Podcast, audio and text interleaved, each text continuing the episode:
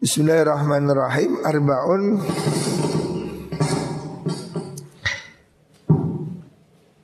Hakun ala Allah Niku. Allah yudkhilahunna al jannah wala yudhiqahum na'imaha. Ya. Ada empat hal arbaun tapi perkara bapat ya. Ada empat perkara hakun iku tetap alallahi ingatasi Allah. Allah yudkhilahunna yang orang akan ing arba. Sinten Allah ing sapa Allah ing al arba al jannata ing swarga. Ada empat golongan yang dijamin tidak akan masuk surga. Berat ini. Ada empat kelompok yang oleh Allah digaris tidak akan dimasukkan surga. Nah, naudhu billah. Wala yudhiqahum na'imaha. Wala yudhiqahum lan orang akan orang ngincip akan Allahum ing arba'ah na'imaha ing nikmati jannah. Ada empat kelompok yang nanti dipastikan tidak akan masuk surga dan tidak akan diberi bagian dari nikmatnya surga. Nauzubillah nih. Ini berat ini ya, harus diingat nih. Catat empat kelompok yang tidak akan masuk surga. Nauzubillah. Yang pertama mudminu khamrin yang tidak akan masuk surga yang pertama orang yang selalu minum khamr ya. Ay mudawim ala syurbiha. Orang yang selalu minum khamr Miras ya. Terus menerus ya. Orang yang sudah apa istilahnya itu pelaku narkoba yang ketagihan itu wa akilur riba lan wong kang mangan riba.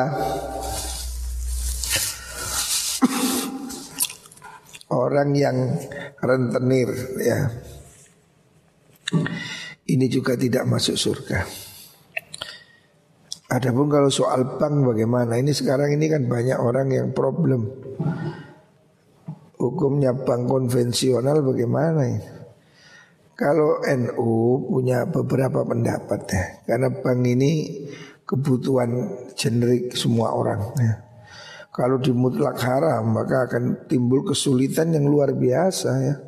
Kita ini di dunia zaman kapitalis ini tidak bisa melepaskan diri dari uang. Sementara bank syariah belum mengcover seluruhnya. Makanya untuk bank konven ini masih ada perbedaan pendapat ya. Jadi tidak 100% ya. Memang lebih berhati-hati itu lebih baik, ya. lebih berhati-hati lebih baik. Tapi kalau tidak ya mengikuti pendapat yang masih membolehkannya. Wa yatim yang ketiga pemakan harta anak yatim. Ini juga tidak bisa masuk surga ya. Jadi di mana ada anak yatim, maksudnya memakan itu ya segala cara yang tidak sah ya, tidak harus dimakan. Itu tidak diperbolehkan ya.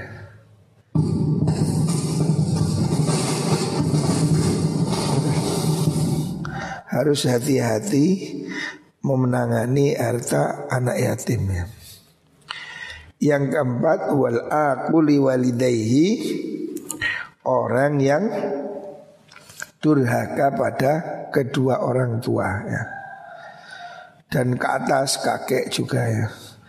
Siapa orang yang durhaka pada orang tuanya itu dipastikan ya, tidak akan pernah masuk surga atau ya mungkin masuk surga tetapi akan dibersihkan dulu di laundry dulu di neraka. Ya, makanya ini harus dijaga di hati-hati rawahul hakim ya. arbaun la yasba'na min arba'in. Ada empat hal ya. Arbaun tai wong papat. Iku la yasba'na.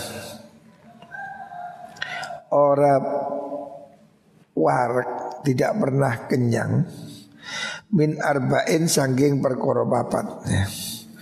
Ada empat kelompok yang tidak pernah kenyang dari empat hal. Nah, ini hadis ini ya. Jadi salah satu dari ini dari ungkapan Nabi Muhammad SAW yang mungkin ini sifatnya agak ringan-ringan lah. Contohnya ini empat hal itu ainun min nazarin.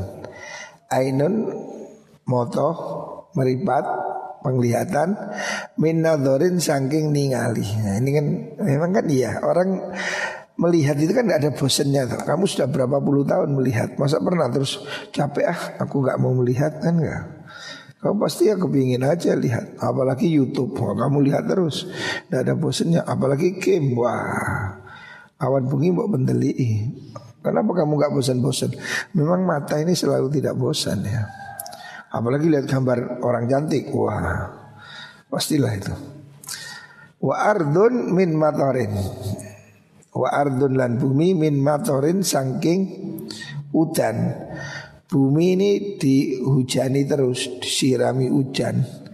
Tidak ada bosannya, banjir, besok ya surut, hujan lagi ya dimakan terus ya. Hujan selalu diserap oleh bumi. Tidak pernah bumi ini bosan. Banjir iya, tapi kan dia balik lagi habis. Wa unsa, nah yang ketiga ini. Wa unsa min zakarin. Nah, wa unsa lan wong wadon min zakarin saking wong lanang maksudnya itu zakar. Min zakarin maksudnya artinya perempuan perempuan itu tidak pernah puas dari zakar. Maksudnya laki-laki maksudnya. Wow tidak puas dari zakar kamu maknanya yang aneh-aneh. Artinya sebetulnya wanita itu punya apa hasrat seksual itu lebih kuat dari laki-laki gitu loh. Makanya wanita itu tidak bosan-bosan Masih dua anak sepuluh ya Terus saya Ada orang perempuan punya anak dua belas 15 Kok gak kapok-kapok? Ya memang gak kapok eh. Nah, terus siap terus. Nah. Kalau sunat itu saya satu kali udah kapok. Nah, Gak mau disunat lagi sudah.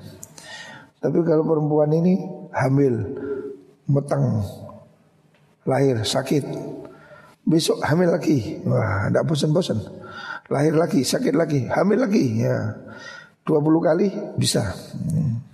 Wanita ini tidak pernah puas dari laki-laki. Maksudnya tidak bosan ya. Terus gelemai. Wa ainun. Budi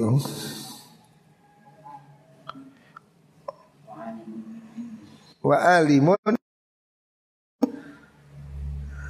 ardun min matorin wa unsa min zakarin wa ainun min nadharin wa alimun min ilmin orang alim dari ilmu Orang itu kalau alim dia tidak ada bosannya ngaji. Jadi kalau kamu masih ngaji dulu secara sarasen, itu berarti kamu bukan orang alim. Orang alim ini semangat ngajinya tinggi, ya, tidak pernah puas, ya. Alimun min ilmin. Jadi empat hal ini didawukan oleh Rasulullah Shallallahu Alaihi Wasallam. Jadi empat hal yang tidak pernah puas, ya. Bumi dari hujan, perempuan dari laki-laki, mata dari melihat, orang alim dari ilmu ya. Jadi orang alim ini kalau sudah merasakan manisnya ilmu, ya, memahami maknanya, maka dia merasa sangat nikmat ya, sangat nikmat sekali. Sehingga bahkan kematiannya pun tidak terasa. Orang mati ini kan pada prinsipnya sakit.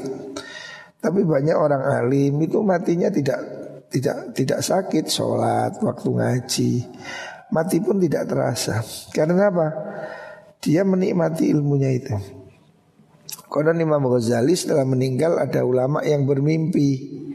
Ketemu dia ditanya bagaimana kematian itu. Dia merasa tidak tidak tidak ter, tidak sakit karena dia sedang sibuk memikirkan ilmu. Ya sama dengan rambut kalau ditarik dari kepalamu kan sakit.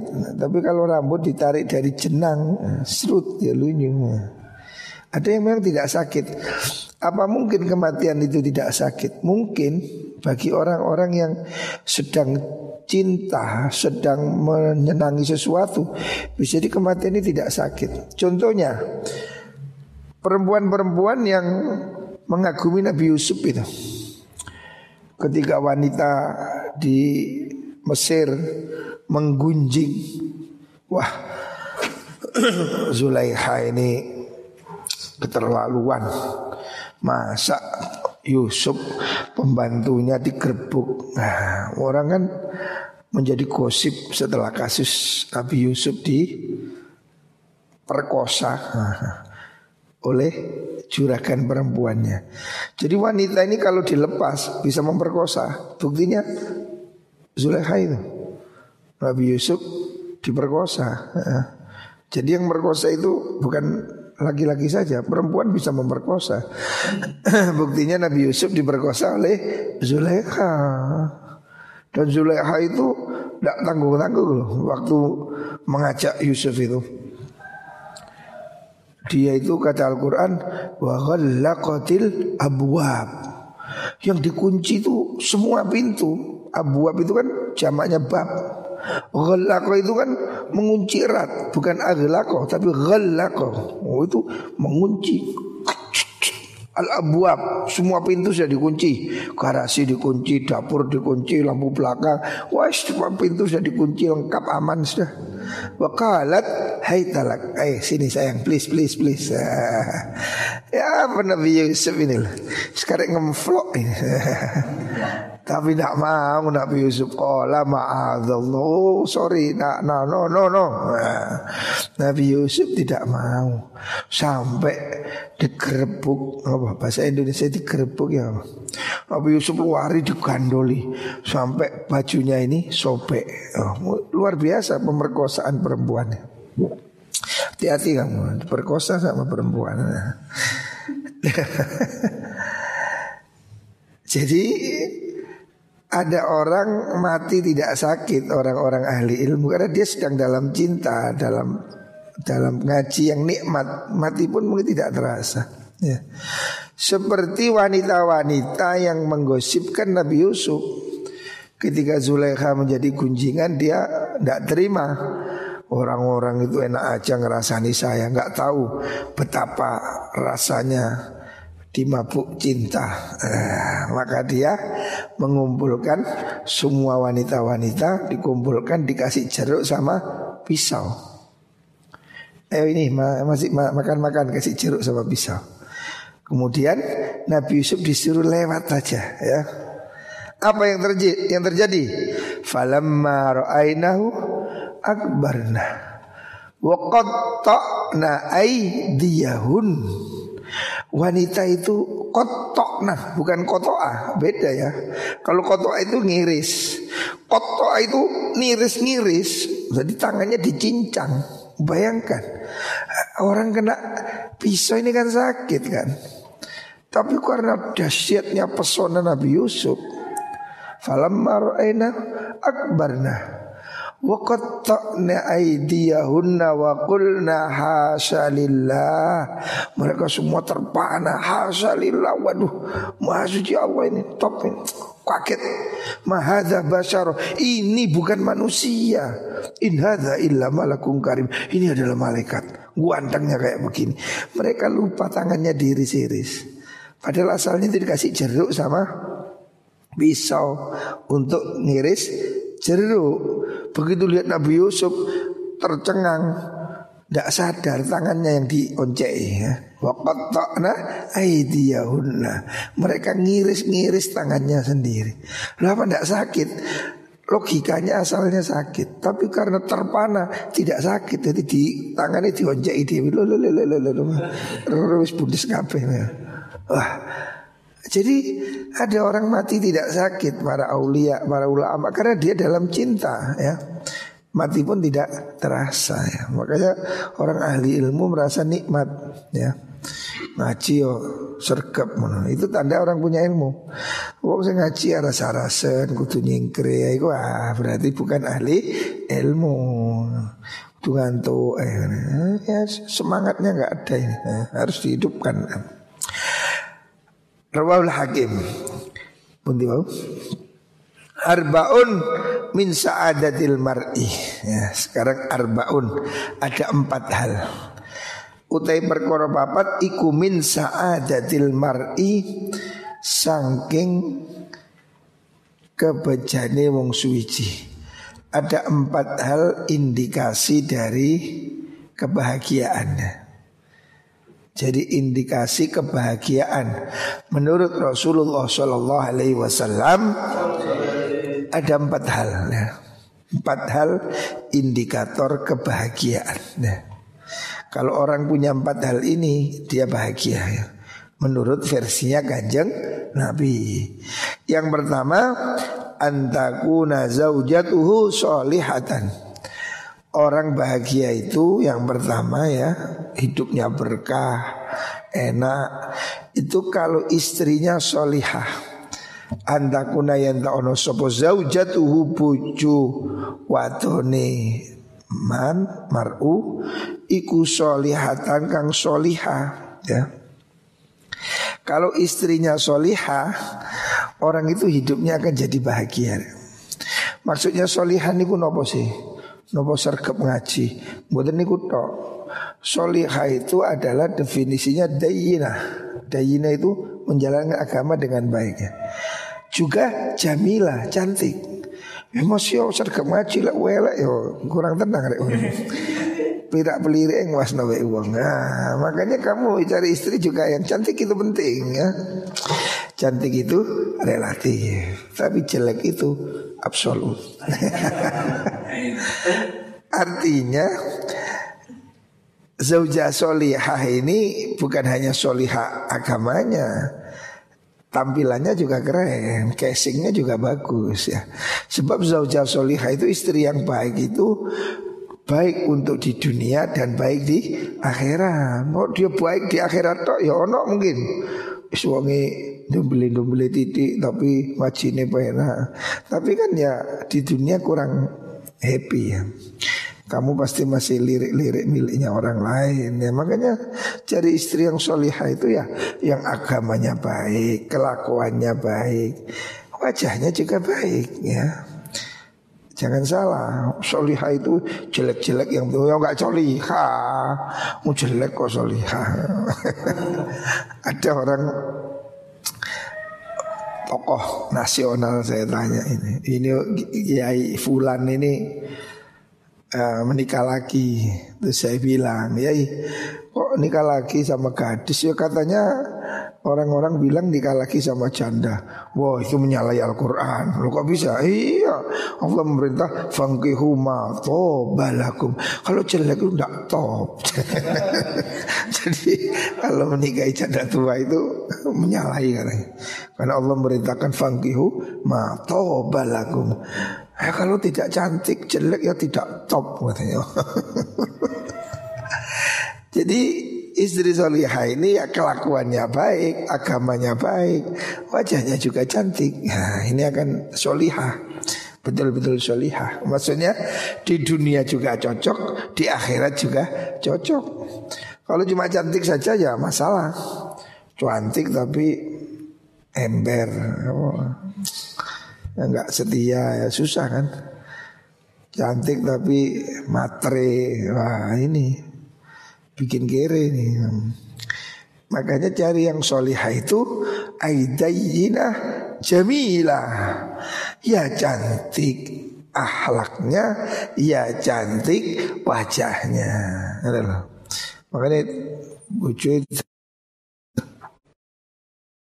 ini balik Nanti balik ya. Nali. Yang pertama itu. Yang kedua wa auladuhu abraran. indikator kebahagiaan menurut versi Rasulullah Sallallahu Alaihi Wasallam anaknya baik-baik. Ya. Maksudnya auladu abroron ini anak-anak yang berbakti ya. Orang tua ini kalau anaknya tidak berbakti juga sakit hati ya. Walaupun pinter ya. Anak pinter tidak berbakti ya makan hati ya. Mungkin dia akan lebih memilih anak ibu bodoh-bodoh didik tapi berbakti.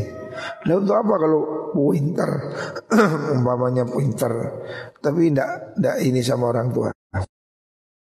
Kita situ ada orang punya anak tunggal pinter sekolah ke Amerika. Udah di Amerika menikah sama bule dan nggak mau pulang ke cantol pekerjaan sehingga sampai orang tuanya sakit ya nggak mau datang, orang tuanya mati ya nggak datang. Jadi orang tuanya menyesal. Untuk apa anaknya disekolahkan mahal-mahal? Berarti pada orang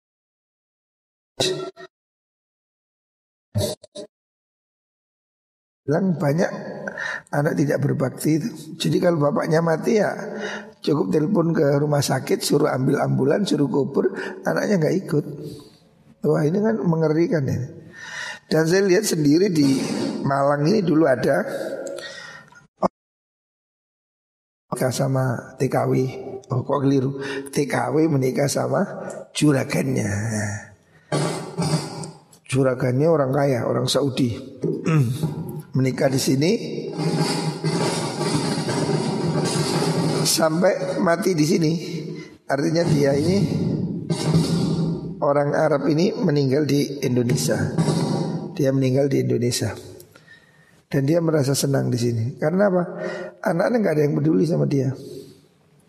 Jadi banyak ya budaya jangan bukan hanya di Indonesia ini saya kira lebih bagus ya. Di Arab itu juga banyak anak yang tidak berbakti. Nah itu ketika meninggal, meninggal di Malang sini saya datang, saya tanya anaknya datang enggak, sampai bertahun-tahun anaknya enggak datang. Ya telepon aja ya sedih ini itu tapi enggak datang. Jadi hubungannya itu sak butuh tok. Makanya ini indikator kebahagiaan itu kalau orang punya anak berbakti. Bukan hanya pinter, kalau pinter tidak berbakti susah kan. Ya. Makanya Nabi Ibrahim mengajarkan doa Rabbi habli minas solihin Ya Allah beri saya anak yang soleh Bukan anak yang ganteng Ganteng tapi rampok untuk apa? Nabi Ibrahim tidak minta ya Allah beri anak yang kaya. Mau kaya kalau koruptor eh, sampah juga. Ya. Tidak ingin anak yang pangkat, pangkat kalau kayak Fir'aun untuk apa ya? Jadi yang diminta itu Rabbi habli minal solihin Beri anak soleh Artinya kalau perempuan ya solihah Lah kalau punya anak perempuan cuantik tapi kerja di pabrik odol, odol-odol. Nah ini mengerikan. Makanya anak soleh itu penting ya. Indikator kebahagiaan itu kalau orang punya anak soleh. Nah, maka orang harus berusaha bagaimana mendidik anaknya supaya jadi soleh ya. Orang tuanya harus proaktif ya mengajar, tidak bisa disulap. Ya. Ini pendidikan. Tiga indikator kebahagiaan wa yakuna rizquhu fi baladi. Wa yakuna yang ono rizku rizki ini wong iku fi baladihi ing dalem omai. Omai wong niku. Rezekinya itu di daerahnya itu. Maksudnya orang itu akan bahagia kalau dia kerjaannya ya bisnisnya itu di daerah tempat dia tinggal tinggal ya di tempat domisilinya ya karena apa supaya tidak capek orang itu pergi ke luar negeri kan capek ya perlu waktu biaya kasihan loh saya lihat orang saya dua kali saya pergi ke Hong Kong jangan dikira orang kerja di Hong Kong itu enak-enak ya masalah juga ya yang pasti orang itu pasti lebih tenang kalau di rumah ya. Orang kerja di rumah ini lebih menyenangkan. Makanya orang Jawa bilang mangan gak mangan pokok kumpul. Nah, karena orang Jawa ini aliran kebahagiaan. Is masih gak suki pokoknya kumpul. Beda dengan orang Arab kan perantau. Lebih indikator bahagia itu kalau rezekinya di daerah domisilinya. Makanya kita harus bangun negeri ini supaya negeri kita ini makmur sehingga nggak perlu kerja ke luar negeri ya. Banyak orang kerja luar negeri ini kemudian efeknya apa? Efeknya rumah tangganya hancur ya. Banyak kasus. Saya ada teman hakim di pengadilan negeri, eh, bukan pengadilan agama di Malang ini. Cerita saya, kasus perceraian semakin tinggi. Di Malang aja perceraian setahun bisa 5000 kasus ya. Jadi banyak janda pedot-pedotan ini. Banyak kasus perceraian. Saya tanya, yang cerai itu siapa pak? Yang banyak itu TKW. Jadi nggak tahan godaan. TKW mana saya tanya? Hong Kong Gus. Oh, saya bilang saya tahu sebabnya. Kenapa? Saya ini sudah dua kali pergi Hong Kong. Jadi di Hong Kong ini negara maju di mana orang itu punya kebebasan. Makanya mereka itu kalau hari Minggu hari libur bebas dia. Mau ngaji oke, okay. ada pengajian-pengajian ada. Saya satu minggu di Hong Kong mengisi pengajian di beberapa tempat. Tapi mau nakal ya bebas wis. Pacaran sama bule-bule itu wah ya banyak di sana. Maka saya bilang kalau mereka itu pulang minta cerai itu saya paham. Bab di sana di Hong Kong ini kan cowoknya sih putih-putih kayak Korea-Korea itu. Cowoknya kayak Jackie Chan, kayak Andy Lau, nah, siapa lagi itu Korea itu. Cowoknya bersih-bersih. Ya. Lah, dia mungkin sudah nemu pacar yang yang cakep-cakep itu. Pulang ketemu Tulkimun, Paimin yang apek-apek gitu ya nggak mau. Gak cocok Padli ya doa. Makanya mereka wis bosen ini yang di rumah apek yang di sana putih-putih celing-celing-celing ya. Makanya ini banyak kasus perceraian itu masalah. Ya. Jadi lebih bagus memang apa yang disebut oleh Rasulullah Sallallahu Alaihi Wasallam ya. Kerja itu lebih baik di daerah sendiri ya. Jadi baik laki atau perempuan Karena kalau jauh itu pasti ya itu tadi Rawan perselingkuhan ya Rawan godaan Dan juga tidak ada ketenangan ya. Orang ini kalau dekat keluarga kan tenang ya.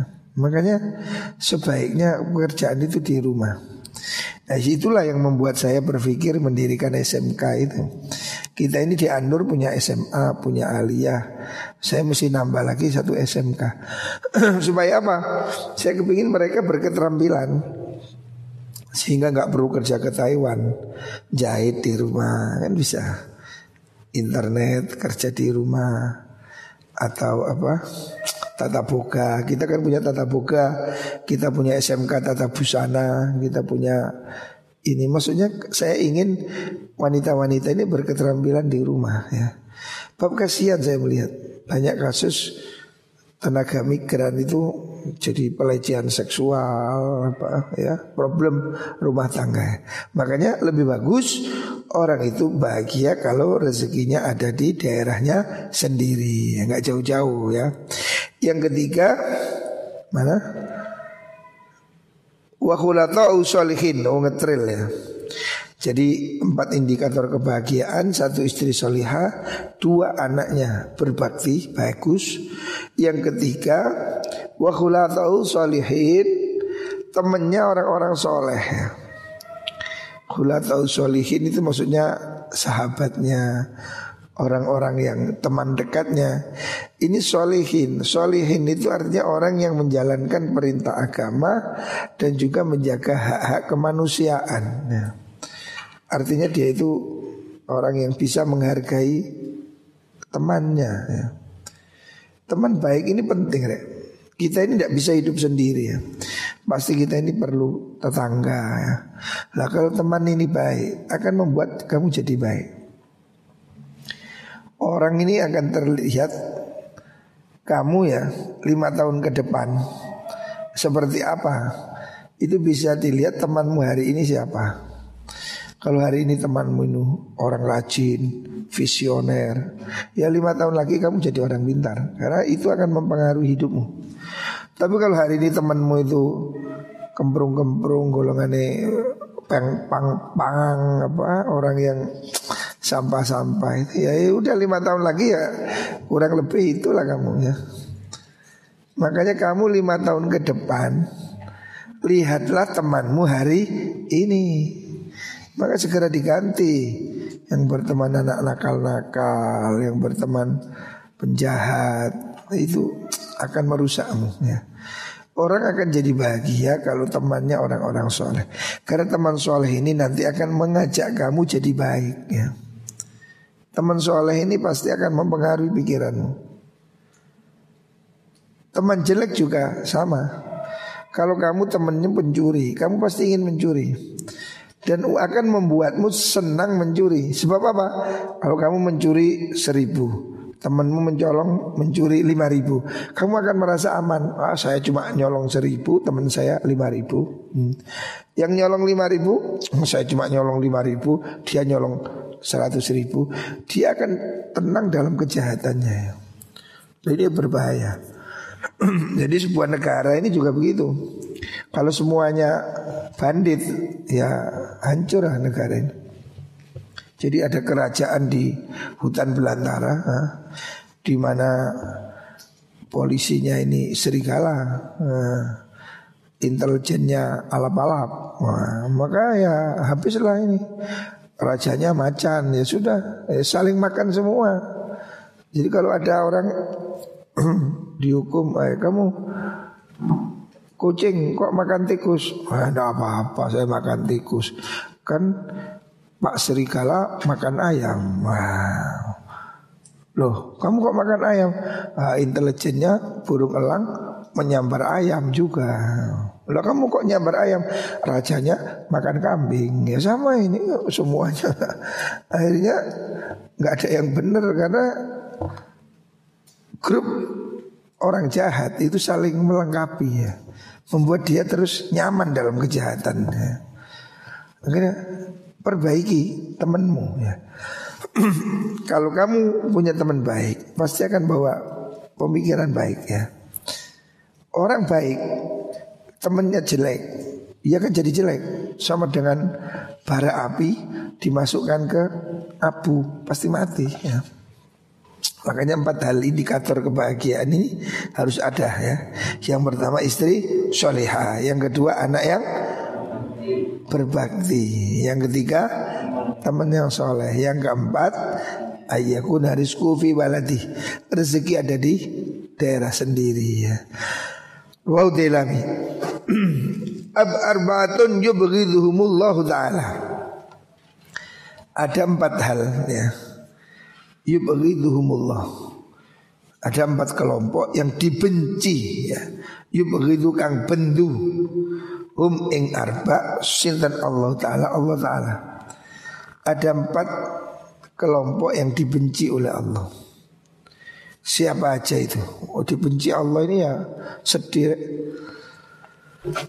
Dibenci Allah ya terus mau ke mana lagi kalau sudah dibenci Allah ya Kalau dibenci manusia bisa cari ganti yang lain ya Tapi dibenci Allah mau ke mana kamu? Yang pertama al-bayya'ul halaf. Orang yang dibenci Allah itu al-bayya'u al-halafu. Orang penjual yang banyak bersumpah. Ya. Maksudnya halaf, ya, tasdid halaf. Orang yang menjual dengan sumpah bohong, ya itu maksudnya. Jadi titik-titik wallahi, wallahi, oh, demi Allah, umpamanya. Ini berapa harganya? Ini dua puluh ribu. Oh kok mahal? Demi Allah murah. Oh, demi Allah bohong lagi. Ini salah manis, demi Allah manis, padahal kejut. Titik-titik demi Allah. Demi Allah boleh nggak sekian? Demi Allah sudah ditawar sekian. Nah ini pembohong dengan sumpah. Ini orang yang dibenci Allah subhanahu wa ta'ala. Bohongnya sudah jelek Ditambahi sumpah. Ini kan merekayasa Gusti Allah. Wal faqirul muhtal. Yang kedua orang yang dibenci Allah itu Al faqiru Orang melarat Al-muhtalu yang sombong Sudah miskin sombong Waduh ini bahaya ini Ini penyakitnya Orang miskin sombong ya. ya contohnya miskin ya tapi guayai masalah manganin dekas nekus ya. Itu contoh orang miskin sombong. Awak milu nyabut kayak opo. Ngono sih rokok itu samsu. Wah, ini orang miskin yang sombong. Hendaknya kamu itu kalau menyadari awak ini miskin ya hemat. Ini penyakit orang miskin itu boros ya. Gayanya nggak mau kalah. Kepingin dianggap kaya, makanya hidupnya jadi berat karena kakean kaya. Ini orang miskin itu sombong itu banyak ya. Jadi sok gitu loh. Miskin tapi kakian kaya gitu loh. penampilan meyakinkan rokok ya eceran. Nah, ini jadi kakian kaya sombong ya. Mangani nang warung ke Arab tempe jalui minimal gule nah, ini salah satu bentuk sombong gitu ya. Nggak neriman ya. Ini jelek Wasyekhu zani Yang ketiga orang tua yang berzina. Orang tua yang masih biayaan katanya. Artinya orang ini kalau tambah tua harusnya kan tahu diri ya. Sudah tua. Jangan seperti kakek Sugiono. Nah, itu kan. Gimana orang sudah tua masih jadi ikon film porno? Ini ini dibenci oleh Allah. Harusnya orang itu tambah tua tambah sadar ya. Jangan tambah jelek ya. Yang keempat wal imamul jair. Yang dibenci oleh Allah pemimpin yang menyeleweng ya. Orang yang tidak adil ya. Pemimpin nyeleweng itu dibenci Allah. Karena apa? Pemimpin yang nyeleweng ini akan merugikan banyak orang. Sebaliknya pemimpin yang adil menguntungkan banyak orang. Maka dia akan sangat dibenci kalau menyeleweng. Hadis rawahun Nasai. Yang selanjutnya arbaun minas syaka. Arbaun ada empat hal utai petang perkoro iku minas syakoi setengah sangking kecelakaan. Ada empat hal yang ini mencelakakan. Arbaun minasyaqa Tanda orang itu celaka. Syaka itu sial ya. Atau celaka ya. Ada empat tanda orang-orang itu Tidak bagus ya Orang mempunyai ciri dari hidup yang tidak waras, tidak sehat, tidak apa?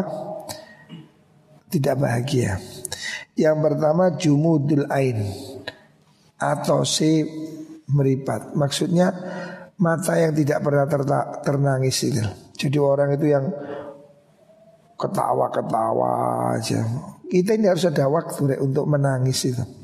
Harus ada waktu untuk introspeksi ya. Jangan terus tertawa ya, harus ada waktu untuk menangis. Nah, orang yang tidak bisa menangis itu termasuk bagian dari syakok, tanda orang yang celaka. Berarti dia tidak punya kontrol terhadap dirinya. Nah. Hendaknya kita ini ada waktu untuk tertawa, ya ada waktu untuk menangis. Tidak harus tertawa terus ya, tidak harus menangis terus. Salah satunya kita harus berusaha menangis ketika baca Al-Quran. Kata Imam Nawawi, "Idza qara'tumul Quran fabku." Kalau kamu baca Quran itu menangislah. Fa ilam tabku falyatabakau. Kalau kamu nggak bisa nangis berusahalah nangis ya. Fahami arti Al-Quran supaya kamu bisa menangis. Hah? Kalau tidak bisa ya fabku ala adamil buka. Kalau kamu berusaha menangis masih gak bisa menangis, tangisilah dirimu. Kenapa tidak bisa menangis? Fa bala. Itu bahaya itu. Kalau mata ini sudah tidak bisa menangis, itu tanda dari kecelakaan ya.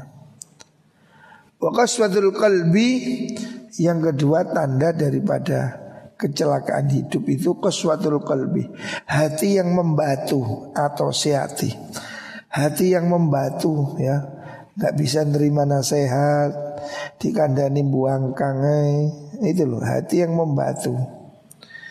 Nggak bisa menerima perubahan. Udah dibilang jangan ngeluyur ngeluyur. Udah dibilang jangan begini malah begitulah itu hati yang membatu. Nah, ini celaka. Wal hirsu. Yang ketiga itu kerakusan ya. Lupa, rakus itu membahayakan. Yang keempat watulul amali ya. Termasuk dari bahaya itu tulul amal. Tulul amal itu banyak melamun ya. Tulul amal ini pemimpi yang tidak tidak proporsional itu. Jadi mengimpikan sesuatu yang aneh-aneh itu. Jadi wah saya ini kepingin umpamanya ya angen-angen bahwa akan dia tidak akan pernah mati ya.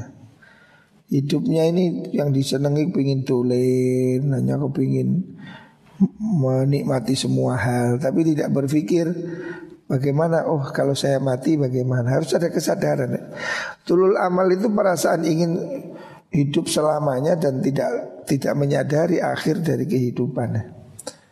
Sehingga dia tidak ada taubat, tidak ada penghentian dari maksiat karena dia merasa hidup masih lama ya. Tulul amal. Kamu harus menyadari bahwa mati itu syaratnya tidak harus tua. Banyak orang mati masih muda. Kemarin itu suaminya sama Siapa yang kita mati bujuni BCL Wah itu kan artis, ganteng, kaya. Umur berapa masih 40 tahun meninggal. Yang lebih muda juga banyak ya.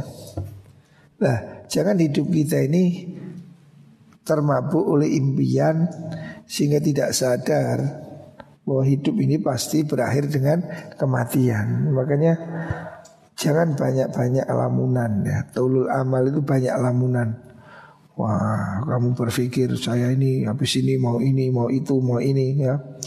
Kepingin istri 40. Nah, terus apalagi yang lamunan-lamunan yang aneh-aneh yang membuat dia tidak pernah merasa hidupnya akan berakhir ya. Makanya jauhi itu. Semua orang hidup harus ada kesadaran siap atau tidak dia pasti akan mati. Ya.